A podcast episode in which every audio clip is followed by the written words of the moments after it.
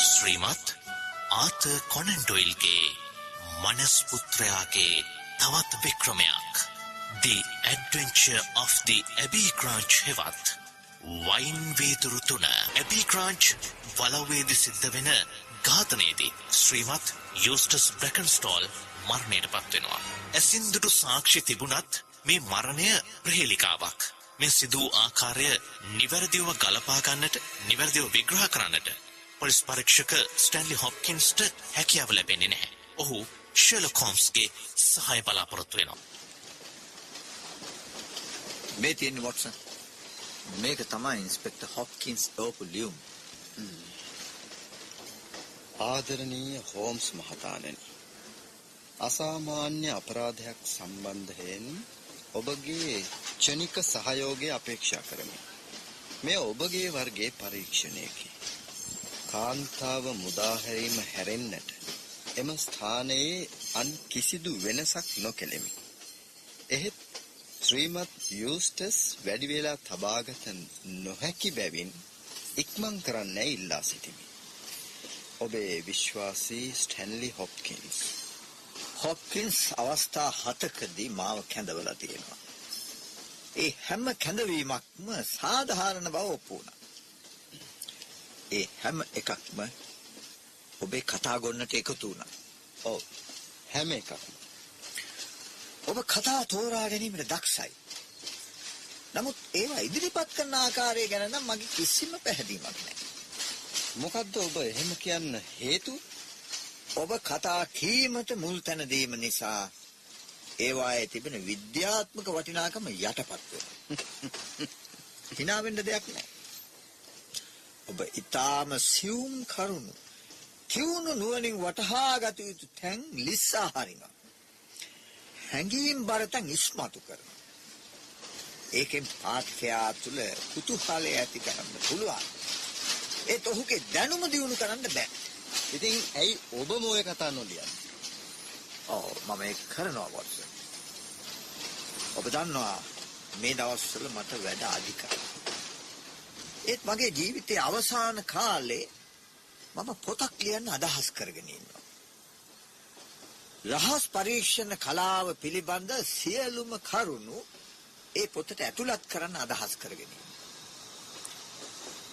මට පේන විදිහට අපිට දැන් යෙදෙන්න වෙලා තියෙන මිනි මැනුමක් ගැන පරිශීලනයක. එතකොට ඔබ හිතන්නේ මේ ශ්‍රීමත් යූස්ටස් මැරිලා කියලා. එහෙම හිතන්න සිද්ධ වෙනවා. හොප්කින්ස්ගේ අත්තකුරු වලින් කැළඹුණු ගතියක් පෙන්වු කරනවා. ඒත් ඔහු හැඟීම් බර පුද්ගලෙක් නෙමෙයි. මම හිතන විදිහට මෙතන දරුණු ක්‍රියාවක් සිද්ධ වෙලා තියෙනවා. මිනිහ තියාගෙන ඇති අපි අවිත් පරික්ෂා කරන්න. දිවිනසා ගැනීමක් නම් ඔහු මාව කැඳවන්නේ නැහැ. එතකොට කාන්තාව මුදා හැරිය වගක් කියලා තියෙනවා.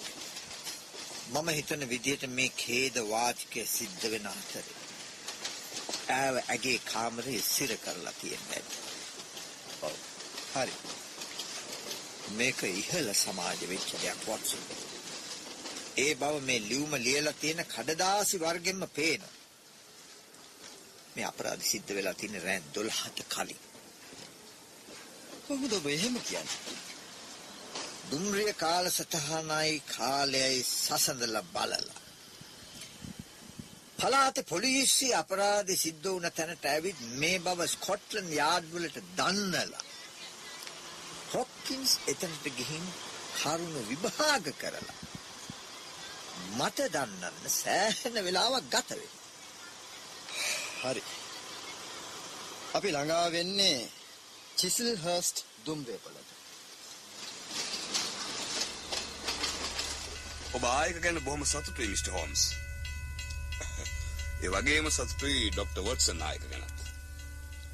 ඒත් මට කල් ඇතුව දැනගන්න ලැබුණා නම් මම ඔබට කරදර කරන්නේ නැහැ. මොකද්ද මට ලියු මෙව්වට පස්සේ සිද්ධ වුනේ?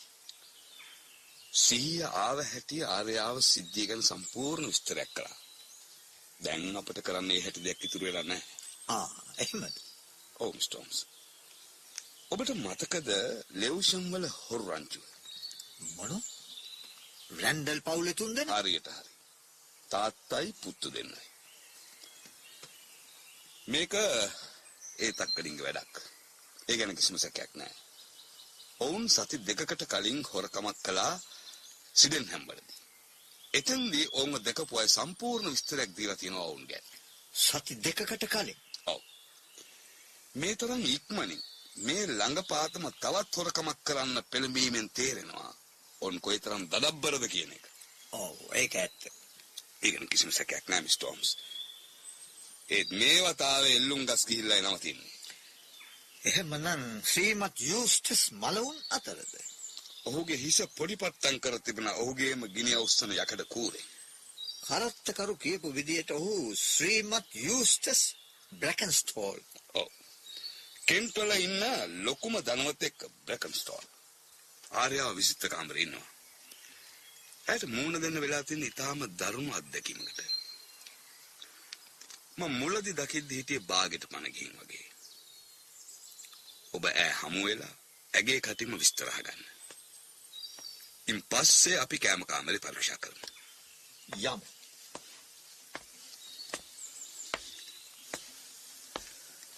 රන්වන් හිසකෙස් නිල්වන් දෑස් ඇනම් ඉතාම රෝමත් කාන්තාවක්.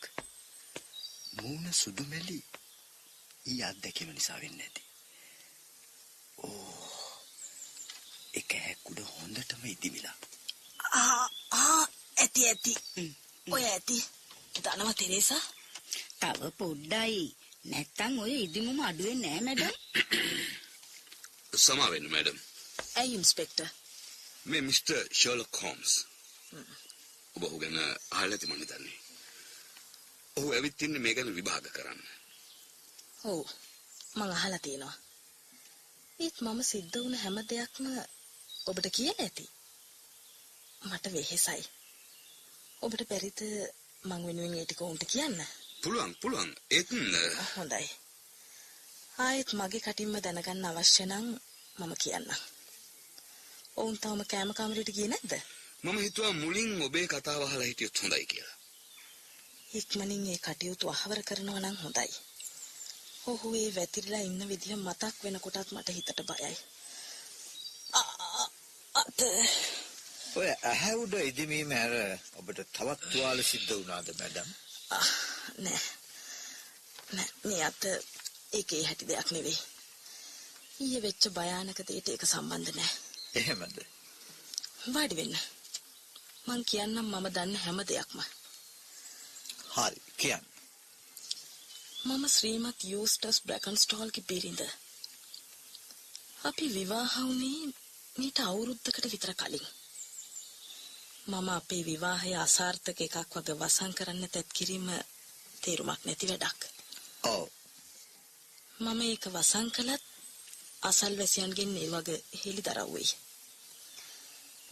ඒක මගේත් වරද වෙන්න පුළුවන්. මං හැදුනේ වැඩුනේ දකුණු ඕස්ට්‍රේලියාවේ නිදහස් පරිසරයක. එංගලන්තේ තියෙන මේ සිරිත් විරිත් තහංචි මට නුපුරුදුයි. නුහුරුයි. ඔව් මට වැටහුණා නමුත් අපේ අසමගියට ප්‍රධාන හේතුව හැමෝම වගේ දන්නවා. ශ්‍රීමත් යූස්ටස් බේබද්දෙක්. ඒ වගේ කෙනෙක් එක්ක ගත කරන ජීවිතය අපායක්. ඔබට හිතාගන්න පුළුවන් නේද? මම වගේ සියුම් සතුටින් සැනසීමෙන් ජීවත් වෙන්න කැමති කෙනෙකුට ඒ වගේ කෙනෙක් එක්ක එක වහලයට ජීවත් වෙන්න සිද්ධ වුණාම ඇති වෙන තත්ත්වය මොකක්ද කියන එක. ඔව් ඔබේ විවාහ නීති රීති ඉතාමත්ම දරනඩුයි. මේ වගේ වද වේදනා විඳ දරා ගන්න ඒ නීති රීති බල කරනවා. මේ මොහොතේ අපි ඔබට කරදර කරන එක වැරදි නැහැ. නැහැ.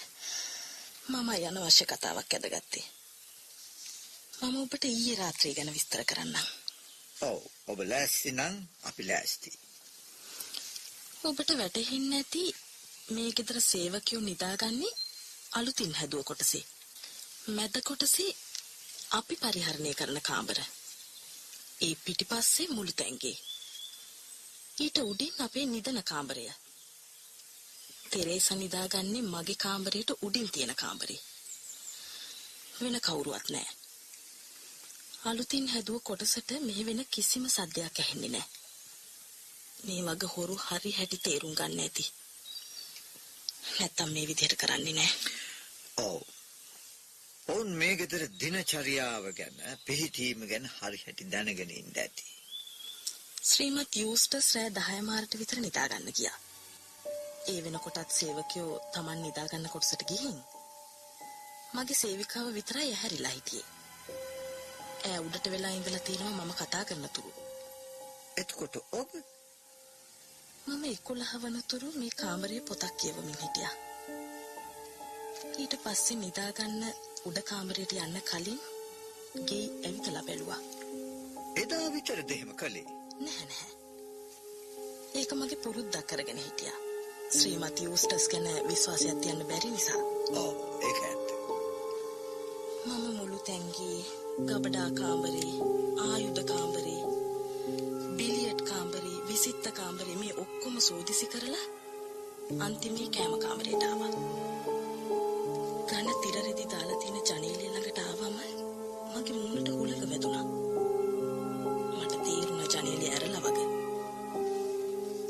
ජනේල් තිරය පැත්තකට කරනවත් එක්කම කාමරේ ඇතුළට උරහිස් පළල මැදිවී මිනිහ මූණට මුණ ගැහුණා.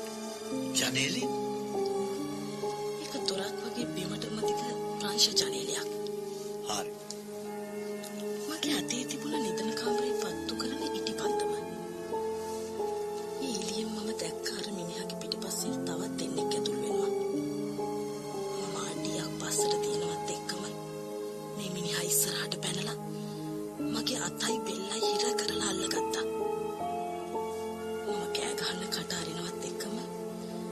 අත මිට මොලවල මගේ මූණට තරුණ පාරක් එල්ල කළා. මම බිම ඇදගෙන වැටුණා. ඊට පස්සේ මම මිනිත්තු කීපයක් සිහි නැතුව ඉන්න ඇති. මට සිහිය ඇවිත් බලනකොට උන් සීනුවේ ලණුව කඩලා අරගෙන ඒකෙන් මාව කෑම මේස ඉස්සරහා තියෙන ඕක් පුටුවට තියලා බැඳලා දාලා. මට හෙල්ලෙන්නවත් බැරි විදිහට. සද්ද කරන්න ලේන්සුවකින් ගැට ගහලා. එතකොට විනාඩි කීපයක් ඔබ සිහි නැතුව හිටියා. ඔව්. ඒ වෙලාවේ තමයි මගේ අවාසනාවන්ත ස්වාමි පුරුෂයා කාමරයට ආවේ. ඔහුට සැක හිතෙන සත්‍යයක්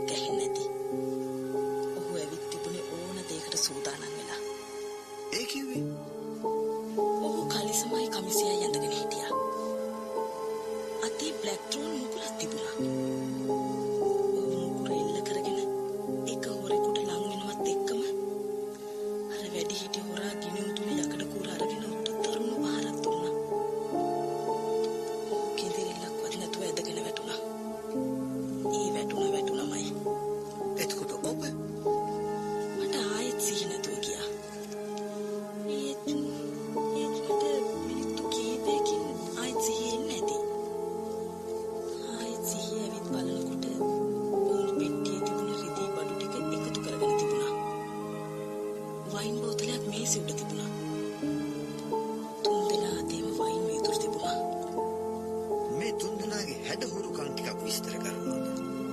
මම ඉන්ස්පෙක්ටර්ට කිව්වා කමක් නෑ මිස්ටර් හෝම්ස්ත් කියන්න. එක්කෙනෙක් රැවුල වවපු මැදිවී මිනිහෙක්. අනෙක් දෙන්න තවම දැලි රැවුලවත් නැති කොළු ගැටව. තාත්තයි පුත්තු දෙන්නයි වෙන්න හුඟක් දුරට ඉඩ තියෙනවා. ඔව්. මා ළඟට ඇවිත් මගේ බැමිත් අද ඇද්ද කියලා බලලා ජනේලෙ පිට වෙලා ගියා ජනේලෙත් වහගෙන. හරි. මට පැහැදිලි. මට කට බැඳලා තිබුණ බැම්ම ලියා ගන්න පැය කාලක් විතර ගත වෙන්නේ නැති. මම යටි කිරියෙන් කෑ ගහනකොට තිරේ සමගි උදව්වට ආවා. අනිත් සේවකයෝ තවදි වුණා. අපි මේ ගැන ඒ මොහොතේම ගමේ පොලිසියට දන්වලා යවුවා. ඒ අය වහාම ස්කොට්ලන්ඩ් යාඩ් වලට මේ බව දැන්නුවා. ඔන්න ඔච්චරයි මට කියන්න පුළුවන්.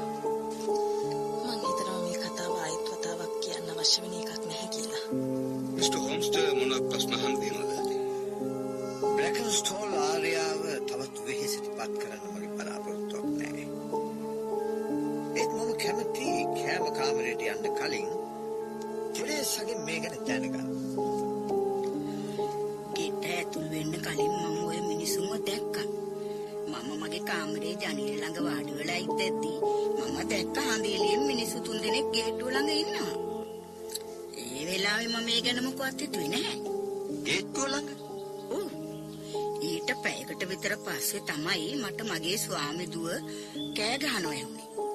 මම දුවලා යනකොට අහිංසක බැටළු පැටියා ඔය දැන් කියාපු විදියටම හිටියා.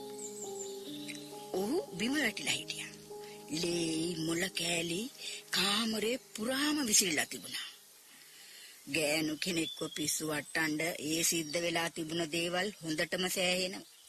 පුටුවක ඉර කරලා බැඳලා දාලා මදිවට ඔහුගේ ලෙයින් මුළු ඇඳුමම තෙත් වෙලා. ඔව් ඒ වගේ තත්වයකට මුහුණ දෙන්න හිත එඩිතර වෙන්න ඕනේ ඇඩිලේඩ් වල ඉපදුන මගේ මේරි ෆ්‍රේසර් මෙනවිය ළඟ එඩිතර කමේ අඩුවක් නැහැ. ඇබේ ග්‍රේන්ජ් මන්දිරේ බ්‍රැකන් ස්ටෝල් ආර්යාව වුණයි කියලා ඒ එඩිතර කම නැති උනේ නෑ. හ්ම්. දැන් ප්‍රශ්න අහලා ඉවර නම් මම ඇව කාමරයට අරගෙන යන්නම්. හොඳයි තෙරේසා යම්. එන්න. ඔහොම ඔහොම මගේ කරට අත දාගන්න. මම මං වත්තම් කරගන්න. තෙරේසා මුළු ජීවිත කාලයම ඉඳලා තියෙන ඇත් එක්ක. අත දරුව කාලේ ඉඳලාම බලා හදාගෙන තියෙනවා. 18 මාසයකට ඉස්සර ඈ එංගලන්තයට එනකොට ඈත් එක්ක ආවා. නම තෙරේසා රයිට්. Mister Holmes. ඒ වගේ සේවිකාව දැන් හොයාගන්න අමාරුයි. හ්ම්. යමු මිස්ටර් හෝම්ස්. පරීක්ෂණය ගැන හෝම්ස්ගේ තිබුණු උනන්දුව සම්පූර්ණයෙන්ම නැති වෙලා ගිය හැඩයි මූණෙන් පේන්නේ. Tamanට මේකේ හොයන්න දෙයක් නැtei කියලා හිතෙන්නේ නැති. මේකයි කෑම කාමරේ මිස්ටර් හෝම්ස්.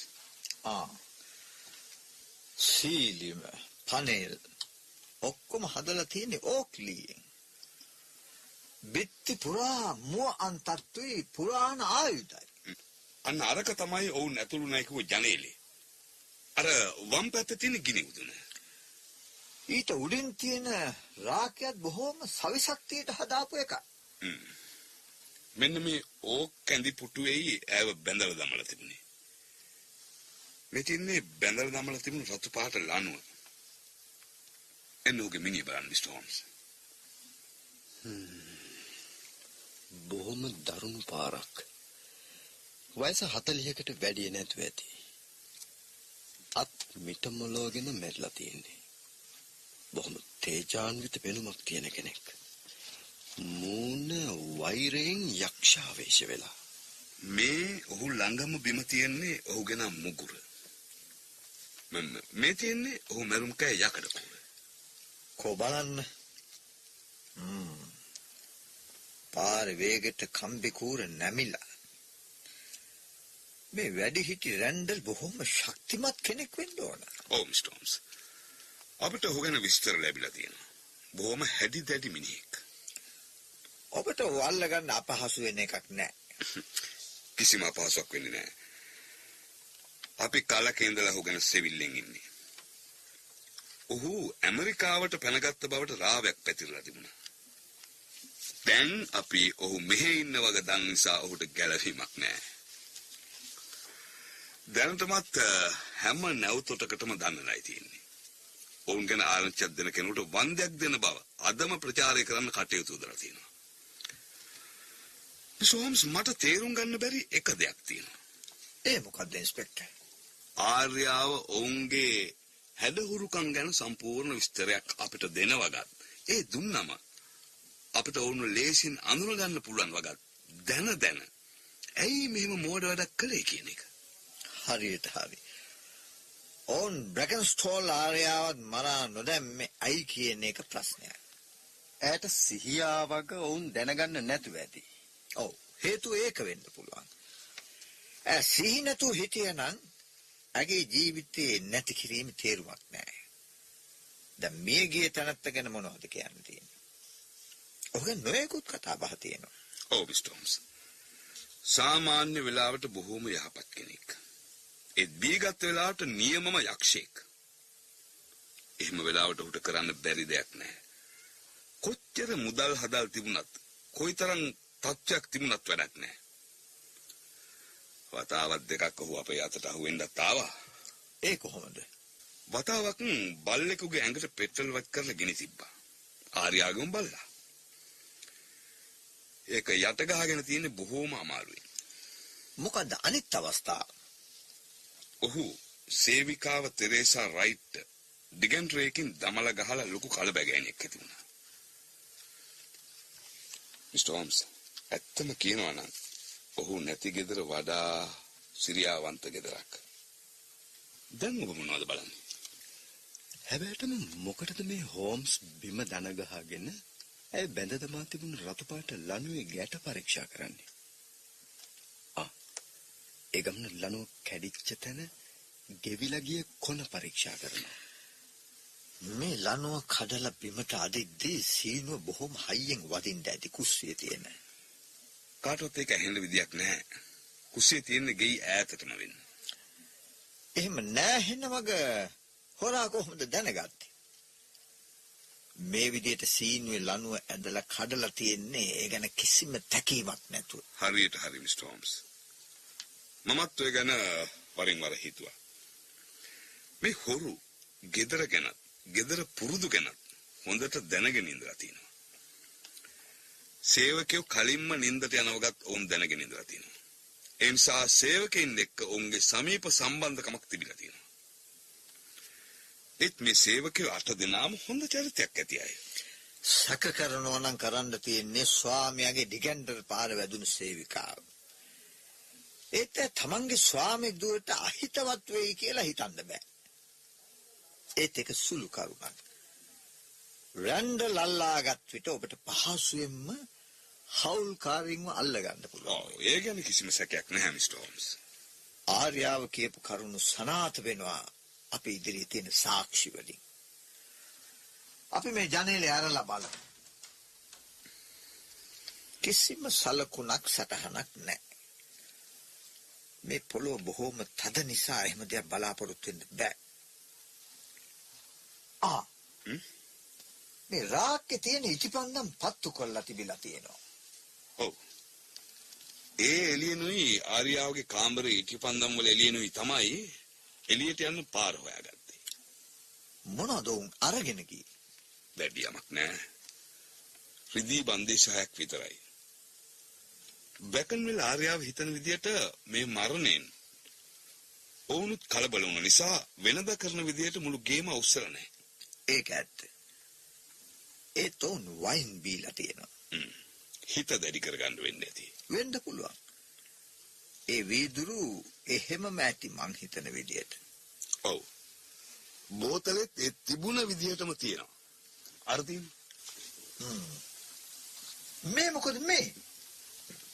තුනේම වයින් පොඩ්ඩ පොඩ්ඩ ඉතුරු වෙලා තියෙනවා. ඒත් මණ්ඩේ තියෙන්නේ එකක විතරයි. බෝතලේ තුනෙන් දෙකක්ම ඉතුරුයි. සායම් පෝපු දිග පොරොප්පු මූලියකුත් ඒ ළඟම තියෙනවා. බෝතලේ වටේ දූවිල්ල. සාමාන්‍ය ලාභ වයින් බෝතලයක් වෙන්න බෑ. ආ, හෝම්ස්ගේ මූණේ අමුතු එළියක් වැටුණා. මේ කිරල මූඩිය. කොහොමද මේක ගැලෙව්වේ? මෙතින් මේ ලාච්චුවේ තියෙන ලොකු කස්කුරුප්පුවක්. බ්‍රැකන්වෙල් ආර්යාව කිව්වද ඔය ලාච්චුවේ තිබුණු කස්කුරුප්ප පාවිච්චි කළ වගා. නැහැ. බෝතලේ මූඩිය ගලවන වෙලාවේ ඇය සිහිය නැතුව හිටියේ. හරි. ඔය කස්කුරුප්ප පාවිච්චි කළා නැහැ. බෝතලේ අරලා තියෙන්නේ පුංචි කස්කුරුප්පුවකින්. සමහර විට පිහියක් එක්ක තියෙන අඟල් එකහාමාරකට වැඩිය දිග නැති එකක් වෙන්න පුළුවන්. මේ කිරමූඩේ මුදුන දිහා බැලුවම පේනවා ඒක එළියට ගන්න කලින් තුන් වතාවක්ම සවි කරලා තියෙන වගේ. එක වතාවකවත් පසාරු වෙලා නැහැ. මේ ලොකු කස්කුරුප්පුව පාවිච්චි කළා නම් ඒක පසාරු වෙන නිසා. එක පාරින්ම ඇදලා ගන්න තිබුණා. හරිනේ නම් මිස්ටර් හෝම්ස්. හරියට හරි. හොරාව අල්ලගත්තම ඔහු ළඟ තියෙයි මේ වැඩ කීපයක් ගත හැකි පිහි. අපූරුයි මිස්ටර් හෝම්ස්. අපූරුයි. ඒත් මේ වීදුරු මට ගැටලුවක්. බ්‍රැකන්වල් ආර්යාව දැක්කද මේ හොරු වයින් බොනවා. ඔව්. ඇය පැහැදිලිවම කිව්වා. එහෙමනම් ඒක එතනින් අහවරයි. වෙන මොනවා කියන්නද ඒ ගැන? ඒත් ඉන්ස්පෙක්ටර් මේ වීදුරු තුන හරි පුදුමාකාරයි. මට නම් එහෙම දෙයක් පේන්නේ නෑ මිස්ටර් හෝම්ස්. එහෙමද? මං හිතන්නේ විශේෂ දැනුමක් විශේෂ බුද්ධියක් තියෙන කෙනෙක් සරල විසඳුමක් පෙනිපෙනී සංකීර්ණ විසඳුම් හොයනවා. වීදුරු එහෙම උනේ එක අහම්බයක් වෙන්න ඇති. මං හිතන්නේ මම මෙහෙදීම අවශ්‍ය නැහැ. රැන්ඩල් ඇල්ලුවොත් හරි වෙනයම් වෙනසක් සිද්ධ වුණොත් හරි මට දන්නන්න. මේ පරීක්ෂණය සාර්ථකව අවසන් කළා කියලා ඔබට සුබ පතන්න ඉක්මනින්ම අවස්ථාව ලැබේවා කියලා ප්‍රාර්ථනා කරනවා. එහෙනම් අපි යමු වොට්සන්.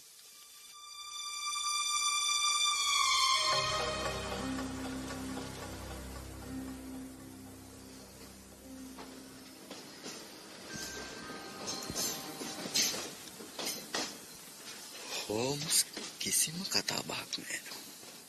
මොකක් නමුත් ලොකු ගැටලුවකට මැදි වෙලා.